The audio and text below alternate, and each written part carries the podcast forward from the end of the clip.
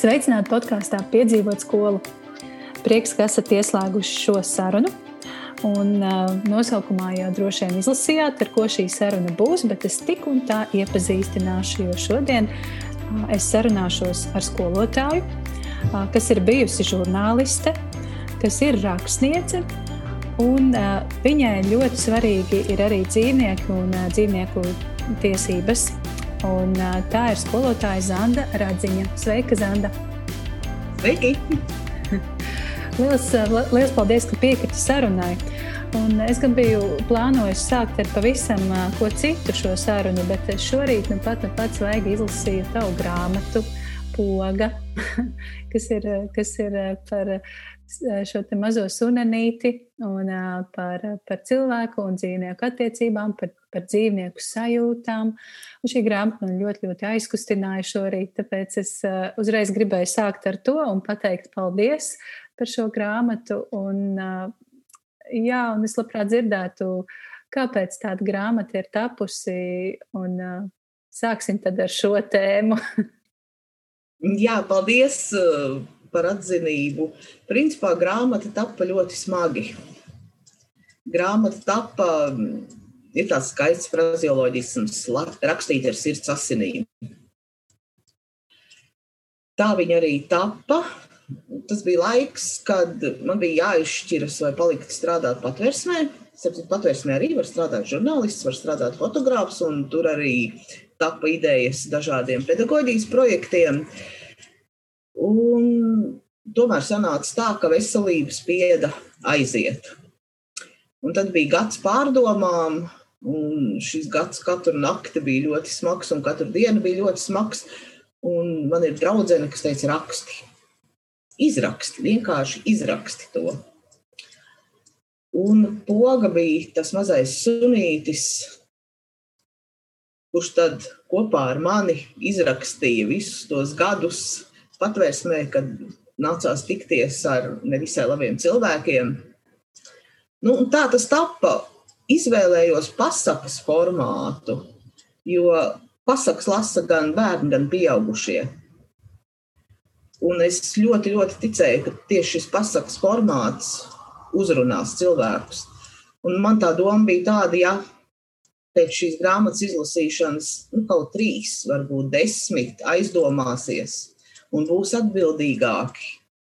Nu, tās vēstules, ko es pēc tam saņēmu no pilnīgi svešiem cilvēkiem, kā viņi ir aiznesuši to savu pucīti, to, to savu kaķenīti pie doktora, lai nevairotu šīs nevajadzīgās dzīvības. Es domāju, ka ir, es savu mērķi esmu sasniegusi. Mm.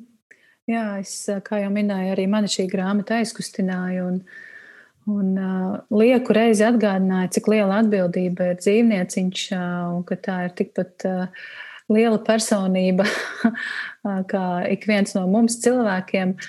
Un, uh, jā, mūsu ģimenē ir suns un diezgan aktīvs, un uh, ar to visādi jātiek galā. Un, kā es saku, uh, Suns ir tieši tāds pats, vēl viens bērns, vai vēl nu, tiešām kā bērns, jo viņam ļoti gribas uzmanību, gribas rūpes. Un, jā. Grāmata par pogu to atgādināja vēlreiz. Paldies par to. Bet tu minēji, ka darbs patversmē um, raisīja idejas pedagoģijas projektiem. Kādiem tieši, kas, kas tie bija par projektiem? Kaut kā iesaistīja arī skolēnus patversmes darbā? Jā. Vai? Jā, mēs sākām tādas atbildības cilvēcības stundas. Jo patvērsme nav zooloģiskais dārsts. Patvērsme nav vieta, kur, teiksim, piebrauc skolas autobuss, izbirst skolēnu un viņi izklaidējās. Patvērsme principā ir arī paaugstināts bīstamības objekts. Un bērni ir visādi, to mēs zinām. Varbūt viņiem nav kaut kas izstāstīts, varbūt viņiem ir jāpaskaidro kaut kā savādāk. Un patvērsmes darbinieks viens pats, teiksim, pirmo reizi satiekoties ar tik daudz bērniem, teiksim, 30 gabaliem, kas ir izkrituši pie šīs patvērsmes no autobusa, nu, nevar tikt ar viņiem galā. Jo skolotāji tajā brīdī kaut kā drusku atslābst. Viņi ir atraduši bērnu uz ekskursiju objektu, un tagad ir pretī cilvēks, un skolotājs atslābst.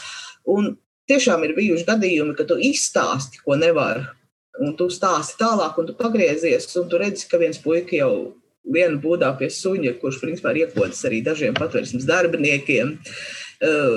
Kāds tur mēģina, atkal snaikstīties un stiep rociņus pēc maziem kaķēniem, kurus nedrīkst aiztikt. Un tad mēs izdomājām, ka patvērsme brauks pie bērniem. Mēs izveidojām atbildības un cilvēcības stundas. Tās ir stundas, kurās stāsta par to, ja mammu tēti grib sunīt kaķīti.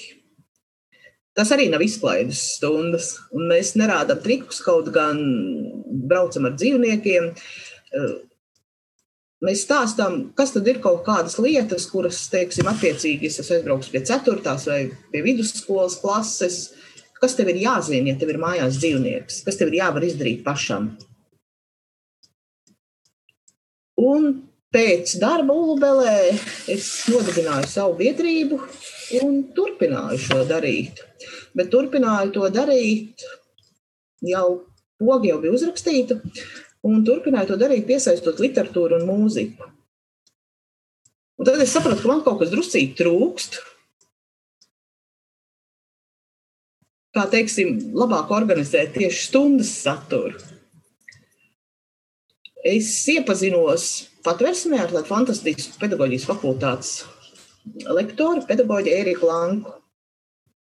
Viņa teica, zini, bet mums taču ir Latvijas Universitātes pedagoģijas fakultātē, šķiet, ka šobrīd vairs nav, bet toreiz bija pirms pieciem gadiem. Mums taču ir tas, laikam, viņi astoņus vai deviņus mēnešus ilgi pedagoģijas kursi, ka tu vari braukt un vienkārši mācīties parastu pedagoģiju. Un es to arī braucu un darīju. Un es teicu, ka tas bija ļoti, ļoti noderīgi. Jo pasniedzēji bija fantastiski. Un tur nu, izvilkt to esenciju. Un katru reizi bija iespējams individuāli aprunāties, ja tev, piemēram, kaut kas uh, brieda, kaut ko gribējās saprast, aprunāties ar teiksim, profesoru, zinošu cilvēku, kā kaut ko sev personiski labāk organizēt. Nu, lūk, un tā es nonācu līdz pedagoģijai. Tad, eh, tad, ja es pareizi sapratu, vispirms eh, tu strādāji Ulubelē, patversmē, Jā. organizēji stundas, brauc pie skolēniem, Jā. kā Ulubel, Ulubeles darbinieks. Mhm. Un tad kādā brīdī izdomāju, ka eh, tomēr ir jāsāk strādāt skolā. Tas bija tā ļoti, ļoti nejauši, jo principā par to pedagoģijas certifikātu, nu, tā kā man ir maģistra grāts, kas tur smalki rakstīts informācijas un komunikācijas zinātnē. Varēja piesaistīt sociālajām zinībām, to, ka bērniem skolā es kā sociālo zinību pedagogs mācītu. Bet tomēr tie 25 gadi žurnālistikā, un tas ir žurnālistam ir darbs ar valodu. Kā man gribējās to literatūru. Man ļoti, ļoti gribējās to literatūru. Un tā es ieraudzīju sludinājumu, ka Rīgas pilsētas sākuma skola, es par tādu neko nezināju, biedrība jaunā skola. Pirms četriem gadiem aicināja darbā literatūras skolotāju. Es aizgāju aprunāties, un es sapratu, ka tā ir mana vieta, un man projām negribās. Senāk jau četrus gadus tu strādā šajā skolā. Jā, nu senāk jau ceturto. Nu, kā ir? kā, kādas, ir, kādas bija tās gaidas, kāda tu devies uz skolu, un, un, un vai, vai šīs gaidas attaisnojās, un kā tu jūties šobrīd? Ja godīgi, man nebija nekādu gaidu. Un iespējams, ka tieši tāpēc es šobrīd jūtos ļoti, ļoti labi. Mums ir fantastisks mazs kolektīvs ar ļoti zinošiem cilvēkiem, ar ļoti atbalstošu vadību. Iespējams, ka es sevi neredzu lielā skolā.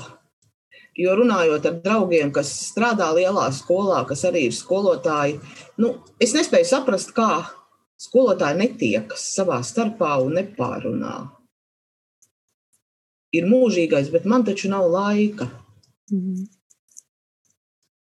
Mums jebkuram ir laiks, jebkurā brīdī, ja kādam tavam kolēģim ir problēma, apsēsties, izrunāt. Neviens nekrīt panikā, ka kolēģis teiksim, izdomā, nu, man šobrīd ir brīvstunda, es vienkārši aiziešu, pasēdēšu pie kolēģa stundā. Varbūt es tur kaut ko labu ieraudzīšu. Man joprojām ir paziņas skolotāji, kas saka, ka lielākas šausmas nespēja iedomāties, ka kāds vēro manu stundu. Man ir tieši otrādi. Man ļoti, ļoti tas palīdz. Mēs pēc tam varam izrunāt, ko redzēja tas otrs cilvēks, ko varbūt uzlabot. Nu, atkarībā, protams, nu, kā tiek vērota tā stunda. Arī nu, skolā ir tāds rakstīts, nerakstīts likums, ka nu, neviens nenāk pie otra un saka, tu tur izdarīji tā. Mm. Bet es tev iesaku. Un to es arī praktizēju stundās. Bērni ļoti daudz nodarbojas ar pašvērtējumu. Mēs ļoti daudz, teiksim, mums ir prezentācijas, mums ir semināri, lasīšanas, kur ļoti daudz tiek stāstīts, ka tu nedrīkst teikt sliktas lietas. Tu drīkst ieteikt, un tu drīkst izcelt tikai to labo. Mm. Un tas ārkārtīgi palīdz. Jā, es, es arī šo ik pa laikam uzsveru, ka kritizēt arī ir jāmāk. Ka kritizēt nenozīmē, ka es tagad nolieku to darbu līdz ar zemi un pasaku, cik tas ir slikts, bet es pasaku labās lietas un iesaku, ko var uzlabot. Tā ir kritizēšana, manuprāt, nu, Jā, tā, tās labākajā formā. Jā. Cilvēks jau tā ikdienā viņš apkārt dzird tik ļoti daudz slikta, ka ja viņam vēl mm darbā kāds nāk un pasaka, ka varbūt nu, nevis, ka tev varbūt labāk būtu bijis darīt tā, bet tu to ļoti slikti izdarīji. Nu, man liekas, tad, tad tās gaidas uh, nesakrīt ar Jā. realitāti. Jā, bet uh, šī tā. Mm, šī stundu vērošana, kas tavā skolā notiek, tas ir jau gadu gadiem iegājies, vai tas ir kaut kas jauns? Tas ir tā no pirmā gada, principā, kad es tur sāku strādāt tas bija ļoti organiski. Es aiziešu paskatīties. Man kolēģis saka, es aiziešu paskatīties. Nu, bet tad tu atnāc pie manis. Jā. Un, e, principā tas ir arī tāpēc, ka mums ir maza skola un mums, mēs integrējam bērniņus ar īpašām vajadzībām. Mums klasē ir bērniņi ar īpašām vajadzībām, viņiem ir arī asistenti. Un Tad mūsu fantastiskais atbalsta personāls vienkārši ļoti bieži ir klāt un skatās tieši nu, tos bērniņus, ko vēl varētu darīt viņu labā. Tad mēs daudz runājam gan par diferencēto mācību pieeju. Nu, tā tā vērošana notiek. Tāpēc es nezinu, man tas ir ļoti organiski, man tas vispār netraucē.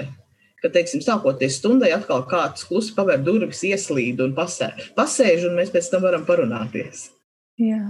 Tas droši vien ir arī atkarīgs no skolotāja pašvērtējuma, no tās pašapziņas, ka es varu, es daru, man sanāk.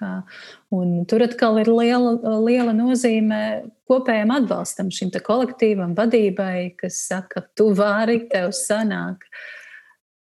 Protams, protams, jā, nē, nu ir, ir jau, protams, bijušas arī asaras un ir bijušas pārdomas, bet tas viss tiek tik, tik sirsnīgi pēc tam izrunāts un ir tāds atbalsts saņemts, ka nu, nav, man šobrīd es neredzu, kur es vēl varētu darboties. Jā. Tad darbs, varētu teikt, ka darbs skolā ir tevi atradis, un tu esi atradusi sevi darbā skolā. Un tas piepildījums. Jā, īstenībā, jā, es domāju, kur es agrāk biju.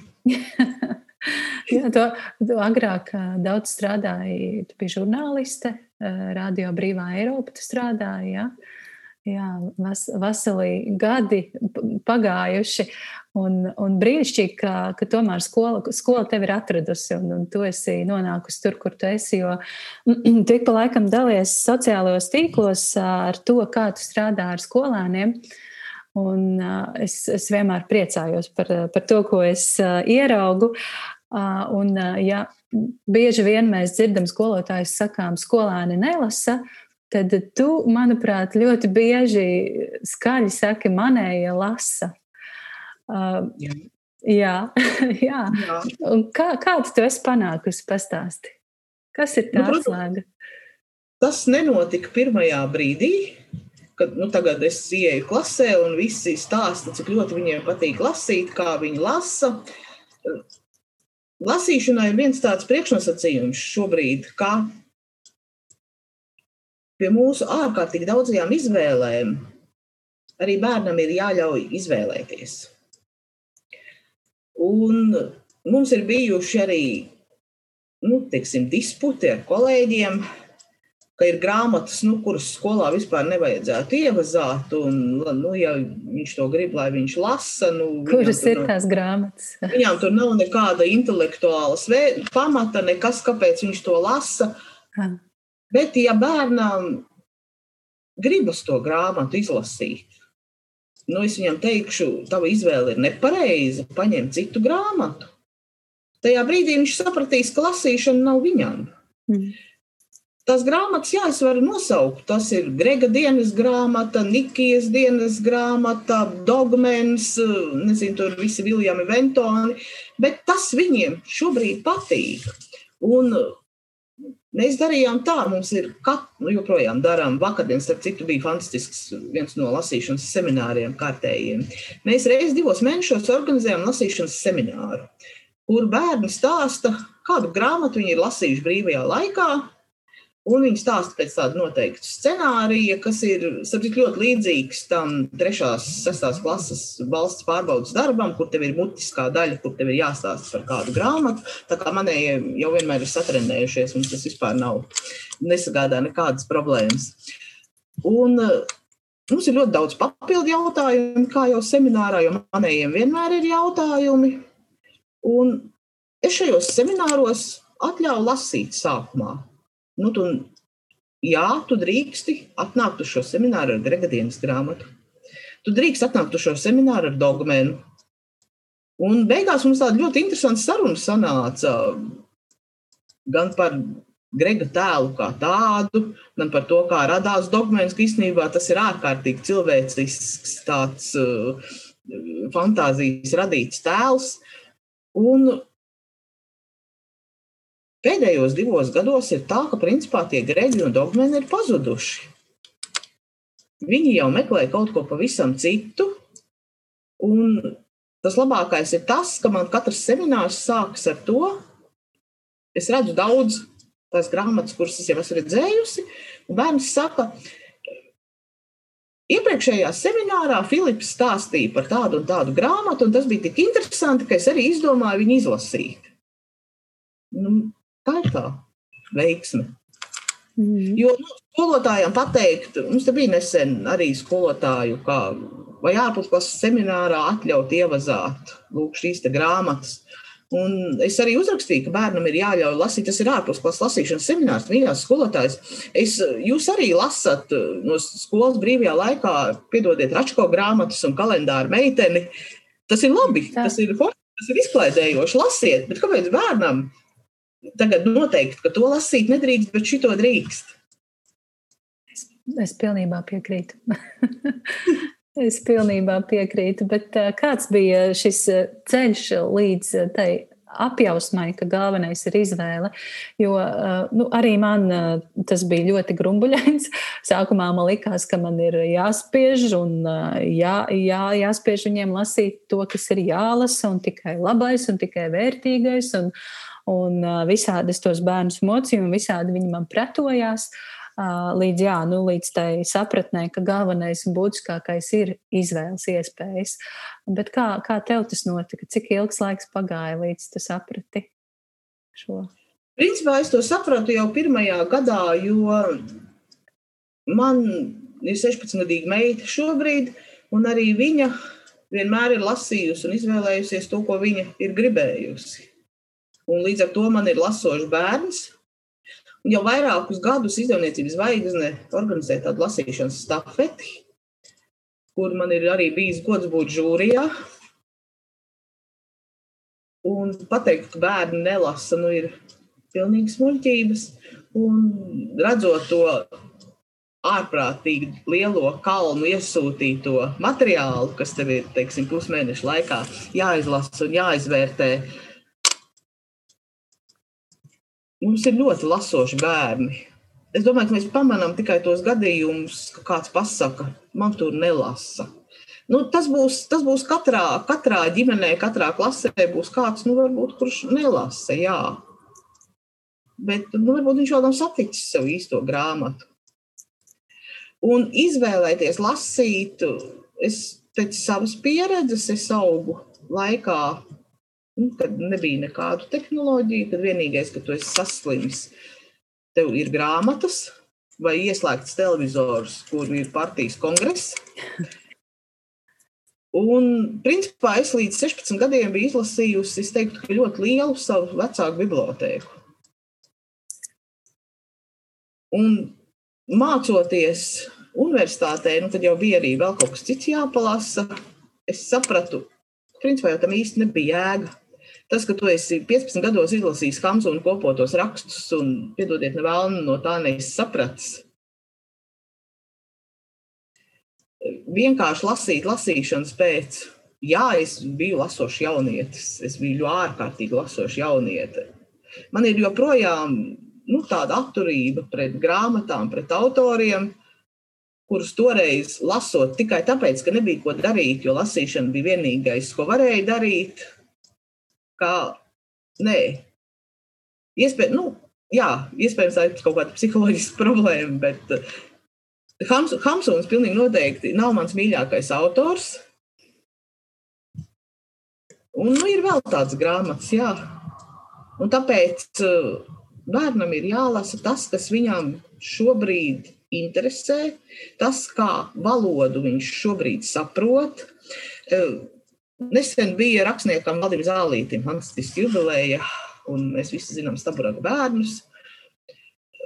Protams, mums arī ir jārunā par, par to, un es izvēlējos, ka es savējiem izstāstīšu, kas ir Staburaks, parādīšu, kas ir Staburaks, un pēc tam lasīšu fragmentus un stāstīšu Kādi piedzīvojumi tad bija Jancim un Mārčam? Bērns un es stāstu par tiem piedzīvojumiem, bērns saka, ļoti forši, ļoti forši. Un es sāku lasīt tos fragmentus. Un es saprotu, nu, es kā radiožurnālists, tas tomēr ir darbs ar balsi. Un es vienmēr visus varēju labi nolasīt, un viņiem patīk, ka es viņiem lasu priekšā. Un es saprotu, ka es pinos. Un Tad mēs kopā sarunājām, jā, piedzīvojumi ir forši, bet vai mēs viņus gribam lasīt tādā valodā? Vai, ja es pirms tam viņiem nebūtu izstāstījusi, vai viņi vispār uztvertu to, cik šie piedzīvojumi, viņuprāt, bija labi? Mm -hmm. Tā kā ar valdu zālīti manējie ir iepazinušies, viņi zina, kas ir staburāka bērni. Esam kopā izlasījuši fragmentus, Bet, jā, 5. un 6. klase man teica, nu, viņi nespēja to valodu. Un vēlreiz, nu, lai man tiešām visi piedod, bet jā, tas tā tiešām šobrīd ir bērniem. Mm. Žēl, ka ir ciet šobrīd teātris sezonas, jo es zinu, ka Valmieras teātrī ir uzvesti saburāk bērni ar ļoti tādām mūsdienīgām vizualizācijām, un tā valoda ir druscīt modernizēta. Nu, tālūk. Mm. Jā, es arī esmu saskārusies ar. Varbūt kāds tāds klasisks skolotājs šobrīd ir ļoti dusmīgs uz mani.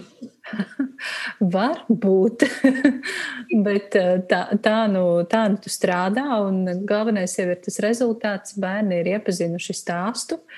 Un es arī esmu saskārusies ar to, ka man šie te, uh, senākie teksti ir jātulko, burtiski jātulko bērniem, vārdu pa vārdam, lai viņi saprastu, kas tur vispār ir uzrakstīts un kāda ir doma.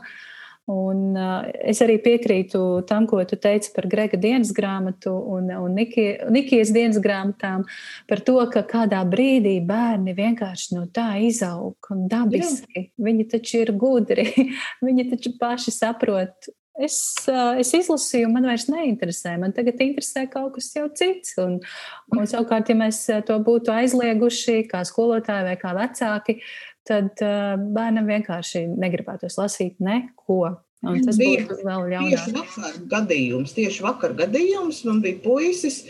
Nu, viņš ir pateicis, viņam interesē no latviešu literatūras, nu, Latvijas, kas ir rakstīts, viņu interesē lasīt tikai komiksi. Tātad, mm. nu, es domāju, ka viņš bija izlasījis visus Gregu visus dogmenus, visu. Un vakar viņš man atnāk izliek priekšā Arno Junzas biezo Kristofers un ēnu ordenis. Un bija tik interesants stāstījums. Un es prasu Feliks, un kas tad būs nākamā grāmata? Dvēseļputenis. Aha, jā.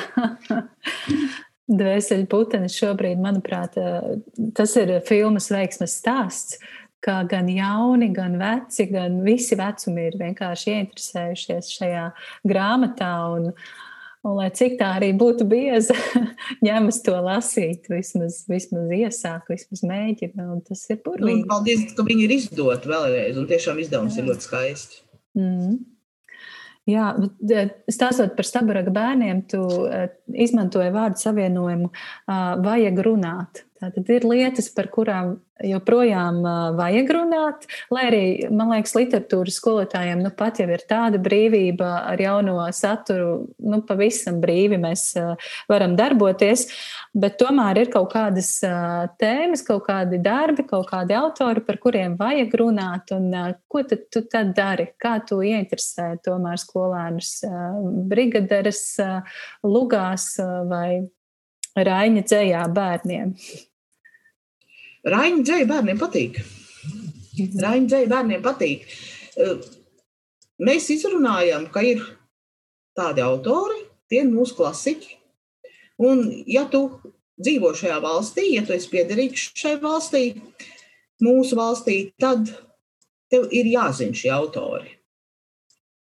Un būs ļoti skumji kādreiz nonākt sabiedrībā, kur runās par kādu darbu, un tu sēdi un tu nesaproti, kas tas vispār tāds ir. Tev ir jābūt vismaz dzirdējušam, ka tāds ir. Rainis un Aspazīja viņiem ļoti patīk.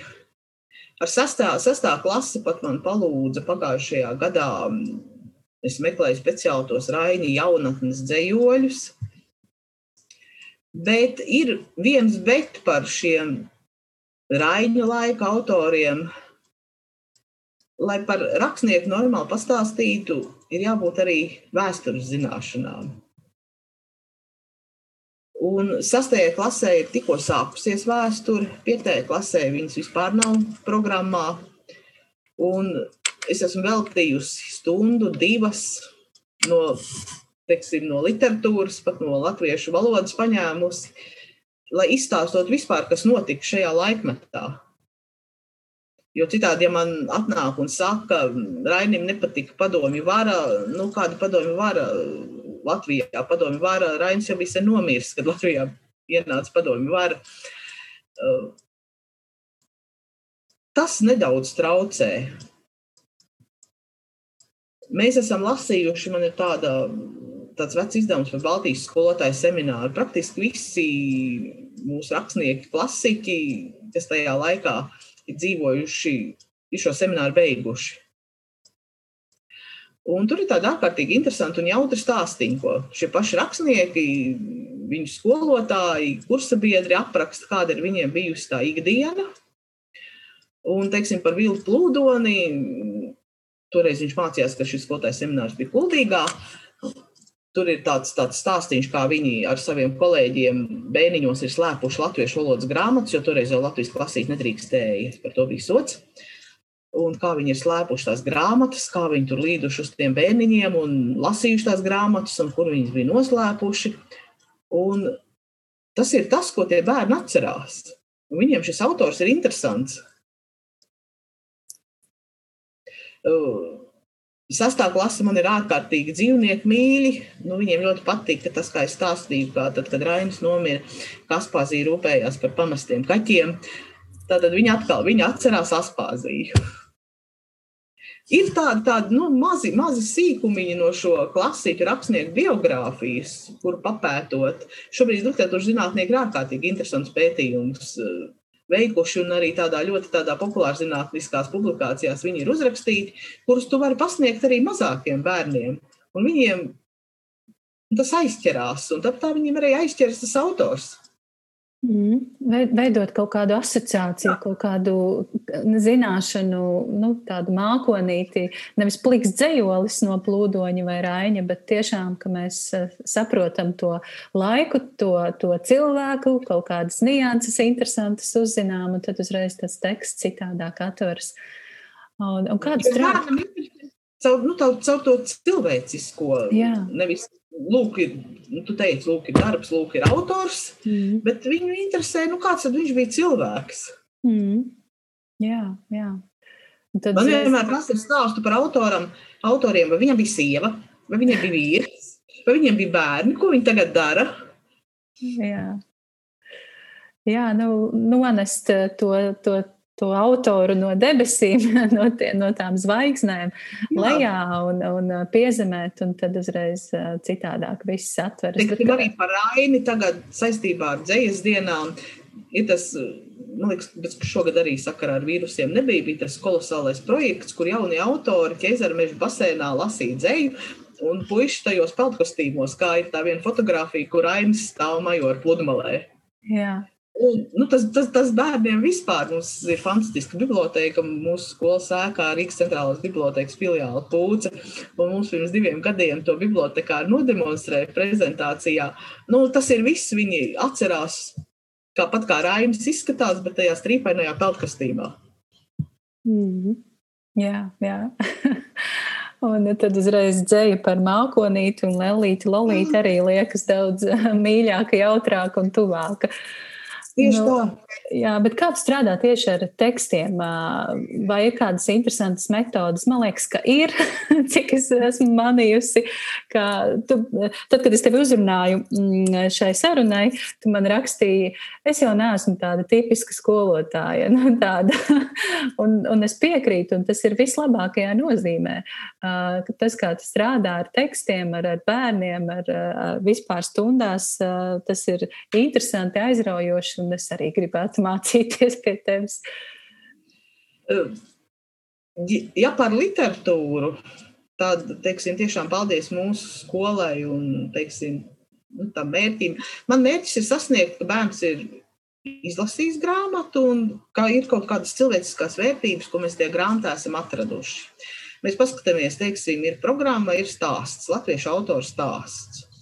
Es atnesu viņiem piecas, četras grāmatas, uztāju tādu savu prezentāciju, par ko ir šīs grāmatas, izlasu fragmentus, izstāstu, kas būs galā jādara, un tad viņi klasē izvēlās, kuru grāmatu viņi lasīs. Teiksim, sastāvā klasē jau šobrīd ir izlasījusi un jau ir bijusi atgriezeniskā saite. Dzimtajam Tilakam ir piedzīvojumi meistari par diviem puišiem, un kas tādā lauku vidē, vasaras brīvlaikā. Tur taisīja dažādas enerģēlības, bet kas ļoti, ļoti cilvēciski, mēs tagad mācāmies par kompetencēm. Un, ja tev principā katra nodaļa beidzas, teiksim, ar kādu kompetenci, kā, nu, ko tu darītu tādā situācijā, ko tu darītu tādā situācijā, kā tu sasaistītu uh, tur dažādus notikumus, tad man liekas, ka tā grāmata ļoti, ļoti dara kaut gan viņa nav programmā. Viņi ir iepazinušies gan nu, ar stāstu, gan viņi pēc tam taisīja man prezentāciju par cilvēciskāko un sirsnīgāko piedzīvojumu, piedzīvojumu meistaros. Un viņiem bija jāizceļ, kāpēc tas ir tas cilvēciskākais, kā, kādu teiksim, dzīves gudrību, dzīves atziņu viņi no šī piedzīvojuma ir guvuši Domāju, ļoti labi. Tāpat ļoti daudz mēs strādājam ar dzējoļiem. Manējie, jā, ļoti daudz skaita dzējoļus, lasa dzējoļus. Jo man kā rādio cilvēkam ir ļoti svarīgi, lai viņi skaidri runātu, lai viņi attīstītu arī to balss aparātiņu. Un tad mēs gan ritmizējam dzējoļus, gan viņiem ļoti patīk uh, tāds vingrinājums, es izvēlos dzējoli, kurā ir kaut kāda intriga, kaut kāds notikums. Piemēram, upes ūdens, zaļi zils, tajā peldas krokodils, viņš ar asti upi vaisa, kamēr pietrūkst upē gaisa, un tad viņš lien no tās upes ārā. Un tad viņiem ir šis dzējolis jānoskaita intonācijās. Viena intonācija, viņi iedomājās, ka viņi ir vienkārši radio vai televīzijas ziņu diktori, un šis dzējols ir ziņa. Viņiem ir jānolasa. Otra intonācija, ka viņi stāv pie tās upes Latvijā un ieraug to krokodilu, un tagad viņiem ir jāsaprot, uz kurien viņi zvanīs un to stāstīs. Kāda tad būs viņa intonācija? Nu, un tad ir intonācija, ka vienkārši šis dzējolis bez paskaidrojuma viņiem ir iedots skolas daļlasīšanas konkursā. Un, protams, pēc tam viņi, teiksim, šīs situācijas var bērni paši piedāvāt. Un tad mēs runājam, kā situācija izmaina mūsu balsi, attieksmi pret saturu. Tas viņiem, jā, tas viņiem ļoti patīk. Mm. Tad mums ir dzējoļa ritmizēšana, teiksim, durvis, durvis, un aiz katrām durvīm durvis. Un, teiksim, viņi, viņi ir trīs, četri komandā, un viņiem ir komandai jāatrod šis ritms, kā viņi noskaita šo dzējoli, nolasa. Mm. Mēs tā strādājam. Veseli priekšnesumi tur noteikti rodas. Jā, ir ārkārtīgi. Viņiem tas, tas, viņiem tas ļoti, ļoti patīk. Ļoti patīk. Es tieši gribēju jautāt, cik atvērti skolēni ir šādām aktivitātēm, šādiem uzdevumiem. Nu, jau droši vien viņi ir pieraduši pie tevis, bet kopumā kā tu redzi skolēnus, mūsdienu skolēnus, viņu atvērtību, viņu pasaules redzējumu? Ja arī klasē ir kāds, kurš varbūt sākumā ir tāds kautrīgāks, tad, teiksim, pēc mēneša, pēc diviem redzot, ar kādu entuziasmu to dara tie aktīvākie. Man šobrīd vairs nav tādu, kuri neiesaistās. -hmm. Es arī nevienam neesmu spiedusi. Cilvēks, teiksim, saprot, viņam varbūt nesenāk uzreiz, un mums ir kategoriski aizliegts smieties par otru.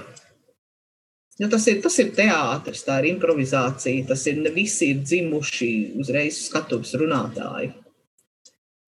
Un redzot, ka nekas slikts jau tur nenotiek, arī tie, kas varbūt ir atnākuši kādreiz no kādas citas skolas, kur teiksim, tā nebija pieņemts darīt, viņi iesaistās. Viņi ir priecīgi, viņi iesaistās, viņi saprot, ka viņam nekas nenotiks par to, ka viņš ir iesaistījies, ka viņš ir atvēris sevi. Mm. Es domāju, ka, ka tas, tas noteikti rada dažādus burvīgus mirkļus klasē. Es ticu, ka tur ir arī daudz pārsteigumu. Kas ir tas eh, pēdējais, varbūt, vai, vai īpašais, kā skolēni stundā tevi ir pārsteiguši? Pārsteiguši. Jā, ar kaut kādu tādu, kaut kādu tādu vai, vai, vai to pašu darbību, kāda uzdevuma izpildi. Uh, kur licies, ir, o, oh, to nu gan es negaidīju no viņiem, bet tas gan labi iznāca. nu, principā tas ir tas, ko es stāstīju par to puisi un Kristoferu Nēnordemi. Mm -hmm. Es biju vienkārši, nu, tā ir tāda, teiksim, mana veiksme milzīgā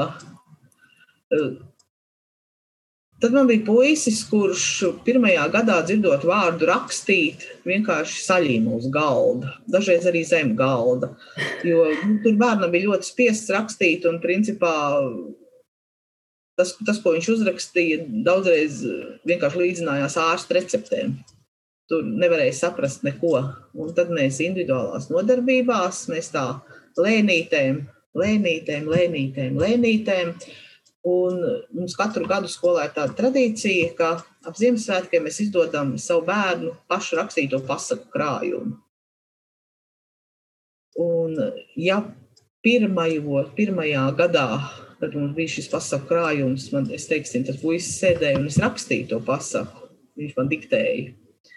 Tad pagājušajā gadā viņš vienkārši pats jau atnāca ar uzrakstītu pasaku, un tur nebija vairs nekas jālabo. Varbūt kādam tas liekas sīkums, ka veiksme ir tā, ka, teiksim, tavs skolēns ir uzvarējis konkursā, ir bijis tur labākais olimpiādē. Man, ir, man tās veiksmes ir no tādiem maziem priekiem, ka kādam, kuram nav izdevies līdz šim, viņam beidzot izdodas. Nu, tas ir tā, ka pilnīgi daudzreiz līdz asarām. Ka, teiksim, meitenīte, kas nav spējusi vispār klases priekšā ne uzstāties, ne vispār vārdu pateikt. Nu, viņa arī uz skolu nāk ar asistentu, ka ir pēdējie divi gadi, ka viņa iesaistās visos šajos improvizāciju, drāmas eh, momentos. Viņa vienkārši stāv viena pati brīvi priekšā ar grāmatu un prezentē savu darbiņu. Tas ir, nu, tas ir, nu, tas ir tik, tik, tik ļoti, nu, es pat neprotu noformulēt. Man liekas, pacietība, pacietība un sirsnība ir tas, kas raksturo tevi šajā darbā. Un ar to pacietību un sirsnību var panākt daudz. Un tiešām negaidīt no bērniem milzu sasniegumus, jo katram tas sasniegums ir citādāks. Tiešām. Bet, Tev ir jāredz katra tā bērna izaugsme. Mm -hmm. un, nu, nevar novērtēt klasi kopumā. Tagad, jo nu, mums skolā arī tā mēs uh, realizējām arī formatīvo vērtēšanu. Ne, nu, ne, protams, e-klasē tās atzīmes ir jāliek, un tas, tas tiek darīts, bet uh, tā vērtēšana sastāv no tik ļoti daudziem kritērijiem, kur tiek uzskaitīta katra bērna izaugsme. Kā Mēs neliekam atzīmes, mēs teiksim, liekam procentus, nu, pēc tam viņus tur var pārvērst atzīmēs. Un es teiksim, nekādu nesaprotu, kā var radošu darbu vērtēt ar atzīmi. Es to nekad nesapratīšu. Varbūt arī tāpēc man vieta nav tādā lielā skolā. Kā tas, ka bērns ir iemācījies dzīvot un viņa norunājis, kā to var vērtēt ar atzīmi. Mm. Kā vispār šos ārpusklases seminārus lasīšanas var vērtēt ar atzīmi. Nu, tas, tas, man liekas, ir vienkārši noziegums pret bērnu. Ja viņš ir izdarījis, un tad tiek nolikti kaut kādi metodiskie norādījumi, vai viņš izdarīja to, tev ir divi punkti, vai viņš izdarīja tā, tur ir trīs punkti. Piedodiet, man liekas, tas ir vienkārši marazms. jā, jā. Bet šī ir tavs redzējums, kā, kā, kā tas ir veidojies? Jo, labi, tu esi ilgi strādājusi žurnālistikā, un tad ir šie, bijuši šie skolotāju sagatavošanas kursi. Un tad tu esi skolā, un tas ir vidas, tas ir vid, tā ir vidas ietekme, vai tas vien, tu vienkārši esi tāda, kāda tu esi skolā, nedomājot par vajag lietām? Nu, es vienkārši esmu tāda, kā es esmu, un tā ir mūsu skolas fantastiskā vide. Un skola to atļauj un pieņem un priecājas par to. Ne, protams, bet mēs katru dienu mācāmies. Mēs katru dienu mācāmies viens no otra. Un, kā jau es teicu, sākumā katru dienu cenšamies kaut ko labāk. Katru dienu runājam, ka tas ir vajadzīgs runājam par katru bērnu, ja pēkšņi viņam ir kāda neveiksme vai pēkšņi viņš ir nobrucis. Kopā priecājamies, ka kādam ir atkal, teiksim, zvaigžņu stunda sākusies. Mm. Nu, tas, tas ir ārkārtīgi svarīgi. Nu, arī tiem bērniem ir ārkārtīgi svarīgi zināt, ka par viņu rūpējās, ka viņš nav viens no, kurš varbūt jau, nezinu, semestra sākumā ir novērtēts. Tu esi ja teiksim, Anniņa, es zinu, ka viņa ir teicamniece, viņa būs deviņi. Tad, teiksim, Pēterītim, kurš daudz ko aizmirst, vienmēr viņam viss ķeras, viņš vairāk par pieci, viņš man nekad nebūs. Mm. Nu, tad Pēterīts arī nolēma, ka viņš vairāk par pieci nebūs, un viņam nav vajadzīga nekāda izaugsme. Viņš ir pieci un viss.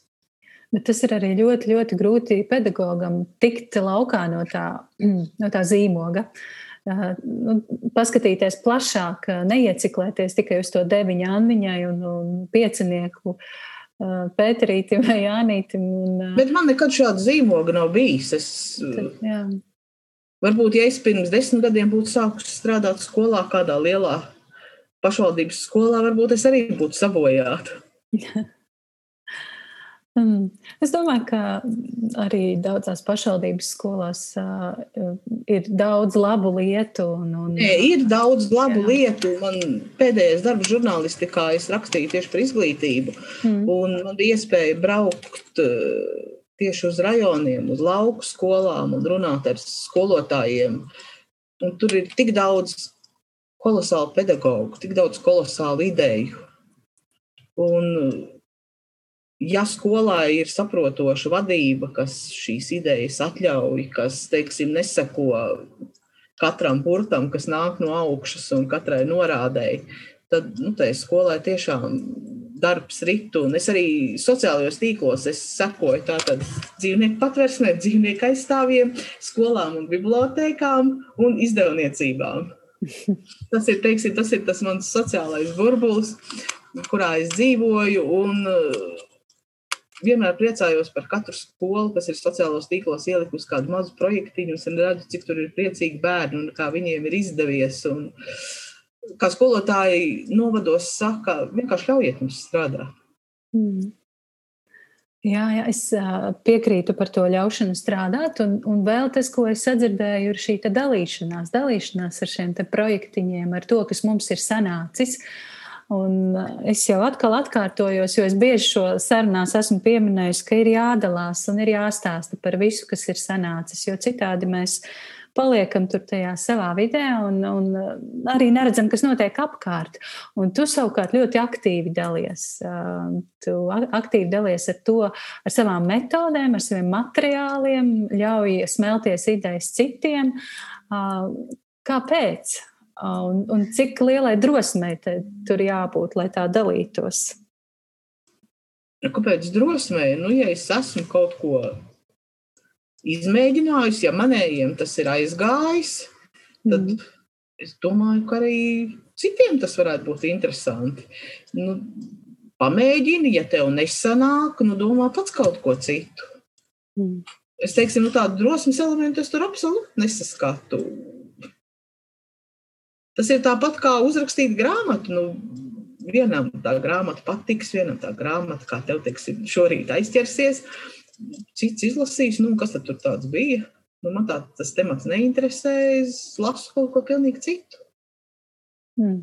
Nu, tu atkal jūti to pašapziņu un to, to, to sapratni, ka es daru labi un viss, viss ir kārtībā. Un tā kritika no malas, kas var nākt vai, vai var nenākt, vai atnāk vai neatnāk, tā īsti neietekmē to, kā tu redzi pasauli un redzi lietas. Un tas, manuprāt, ir lieliski.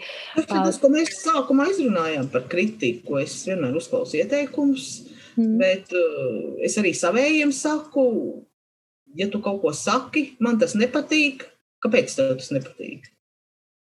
Man, teiksim, mani neapmierina teikums. Man šī grāmata ļoti patīk, tāpēc, ka viņa bija ļoti interesanta. Un ko tu esi pateicis? Neko. Neko. Jā, nu man tavs darbs nepatika, tāpēc, ka tur nekā nebija. Mm. Nu, tad pasaki, kas tur nebija, ko tu tur gribēji ieraudzīt? Jā. Tu minēji, ka tu sociālajos tīklos seko uh, izdevniecībām. Tas nozīmē, ka tu droši vien esi arī liela lasītāja, visticamāk. Nu, šobrīd es esmu liela bērnu literatūras lasītāja. Ļoti labi, ļoti labi. Padalies, padalies, kas labs bērnu literatūrā šobrīd ir. Jā, man ir ārkārtīgi svarīgi saprast, ko izdod un ko es atkal varu savējiem piedāvāt. Nu, kā jau teicu, ļoti patīk Dzintars Tilaks. Es teiktu, ka viņš ir tāds, man liekas, es pat esmu kaut kur jau to rakstījusi, ka Dzintars Tilaks ir tāda mūslaiku zente ērgle. Mm. Atceries, mums arī bērnībā ļoti patika tās viņas piedzīvojuma grāmatas. Ļoti tad, eh, patika.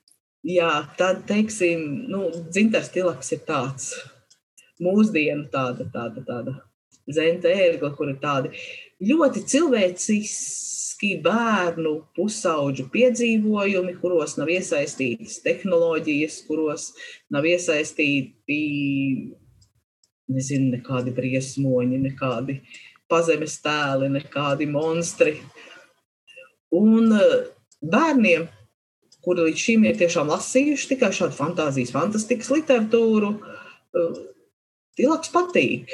Mēs jau esam izlasījuši čomiņu, mēs esam izlasījuši labo blēņu vasaru, tad mēs esam izlasījuši piedzīvojumu meistarus par šiem gadiem. Nu, jāgaida, kā beigsies te visas tās krīzes, tad būs jāuzaicina tas dzintars tilaks ciemos. Hm. Vēl ko es varu ieteikt, ir no zviedru valodas tulkotas grāmatas. Autore ir Kristīna Olsone. Viņa nav sākusi savu karjeru kā rakstniece, viņa ir bijusi policista izmeklētāja, pat īpašo uzdevumu vienību izmeklētāja. Un viņai ir fantāzija, fantastikas grāmatas, ko man ieturpina lasīt, bet klasē mēs esam apskatījuši trīs stikla bērnu, sudraba puisēnus un akmens eņģeļi. Tas ir grāmatas, kur trīs bērni izmeklē kādu senu ar vēsturi saistītu noslēpumu. Un kas ir interesanti, kā viņi to dara, darbība it kā notiek uh, ļoti nesenos laikos, kad varētu sēdēt pie datoriem un paši veidot, programmēt kaut kādas programmas, bet viņi dodas uz biblioteku, meklē materiālus, viņi intervē cilvēkus, viņa, viņi pēta. Uh, tas, tas ir tāds, kas man ļoti. Nu, tad ir Man ļoti patīk, ka tiek šobrīd izdoti visādi interesanti apkopoti dzējoļu krājumi. Gan garās pupas, gan uh, zvaigzne ir izdevusi vairākus, ir rekur ir un ir tāds, tāds, tāds pilnīgi bies apkopot dzējoļu krājums. Un tad, kad kāds man pasaka, man mājās nav tā autora dzējoļi. Es saku, nu, bet ir, ir viena grāmata, teiksim, parādu, kurai būtu jābūt mājās, ja mēs mācāmies par kādu dzīsnieku. Un šeit, šeit atradīsi praktiski visus dzīsniekus. Tev nav jābūt uh, viņa izlasēm no tavu, tavu, tavu vecāku bērnības. Nu, no tādiem, kas lielākiem, varbūt vidusskolniekiem, es šobrīd ieteiktu, jo es arī privāti kaut ko palīdzu tikt galā vidusskolniekiem ar ar, ar domu gaitu un arī ar gramatiku. Mums ir autori Ingūna Bauvere, kuras cilvēciskie romāni, kas uh, stāsta par vēsturi, par notikumiem vēsturē. Ja tas jaunietis izlasīs kaut vienu, viņam tas, vai tas būs Neikens vai teiksim, tie būs brāļa kaudzītes, vai tas būs Krišāns Barons, viņām radīsies tāds priekšstats par gadsimtu, par laiku, kādā ir dzīvojis šis autors. Plus vēl ir Ingūnas tiešām ļoti mūsdienīgā, bet ļoti interesantā latviešu valoda. Un tas, kā viņi prot savērt tos notikumus. Protams, tie dialogi, kas tiek risināti romānā, Iespējams, ka pirms gadsimta tādu dialogu nav bijis, bet ar šiem mūsdienīgiem dialogiem Ingūna nu, vienkārši izceļ to senos gadsimtu notikumu.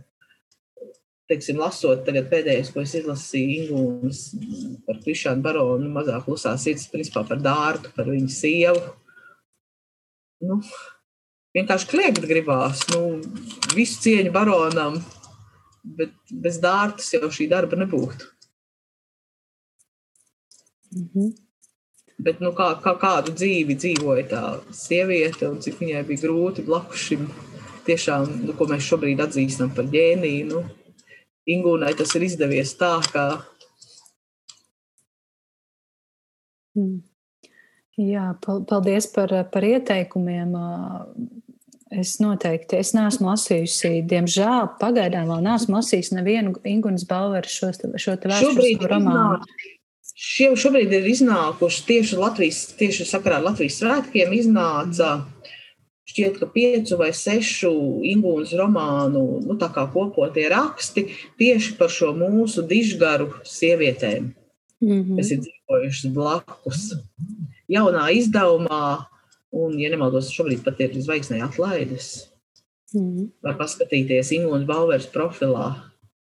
Jā, Ingūnai, es, es esmu manījusi šīs grāmatas ļoti skaistos vākos, tāds vesels komplekts, kuru tā vien gribas nopirkt un ielikt plauktā un lasīt pa vienam.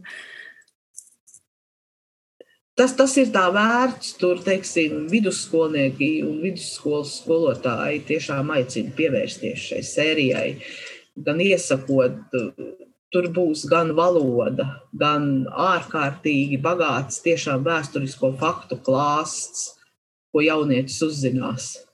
Mm -hmm. Jā, nu lieliski. Paldies, Zanda, par ieteikumiem. Um, Gan arī stunda ir pagājusi, mūsu saruna, saruna ir paskrējusi vējas pārniem. Un, uh, es parasti šīs sarunas publicēju svētdienā, un tad uh, es iedomājos, ka skolotāji, gatavojoties jaunajai nedēļai, noklausās kādu no šīm sarunām, un pašās beigās tad es lūdzu savam viesim. Uh, Pateikt kādus spēka vārdus uh, klausītājiem nākamajai nedēļai. Kas būtu tavi spēka vārdi skolotājiem nākamajai nedēļai? būt radošiem.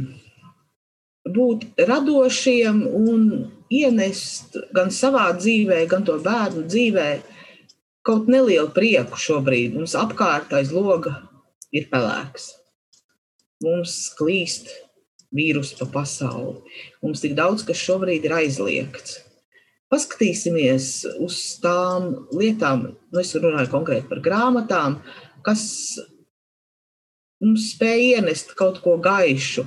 Atliksim druscīt nost visas eh, klasiskās, eh, antīgās traģēdijas, visus, eh, nezinu, traģiskās blaumaņa novēles un visu pārējo, kas šobrīd tiem bērniem it kā pēc programmas ir jālasa. Jo vai tad jūs pašus tas nenospiež, ka apkārt ir tas, kas notiek šobrīd apkārt, Un jums vēl ir darbs priekšā, kas vēsta par visas pasaules un katra teiksim, varoņa atsevišķu traģēdiju. Mums ir tik daudz gaišu grāmatu. Runāsim par tām. Nu, skaisti, ļoti skaists novēlējums. Un es arī novēlu spēku, pacietību, sirsnību un vieglumu nākamajā nedēļā. Paldies, Zanda, tev par sarunu! Un es, tic, es ticu un ceru, ka tiksimies kaut kad arī klātienē. Noteikti. Paldies tev! Paldies! Atā. Tas šodien arī viss. Paldies, ka noklausījies! Ja tev patika un likās noderīga šī saruna, noteikti uzraksti savas pārdomas Facebook vai Instagram, vai varbūt uzraksti man e-pastu uz piedzīvot at gmail.com. Vēlēs atbalstīt podkāstu tapšanu? dodies uz www.patreon.com šķērsvītra piedzīvot un kļūsti par podkāsta mīļāko atbalstītāju, jeb patronu. Paldies un uz tikšanos nākamreiz!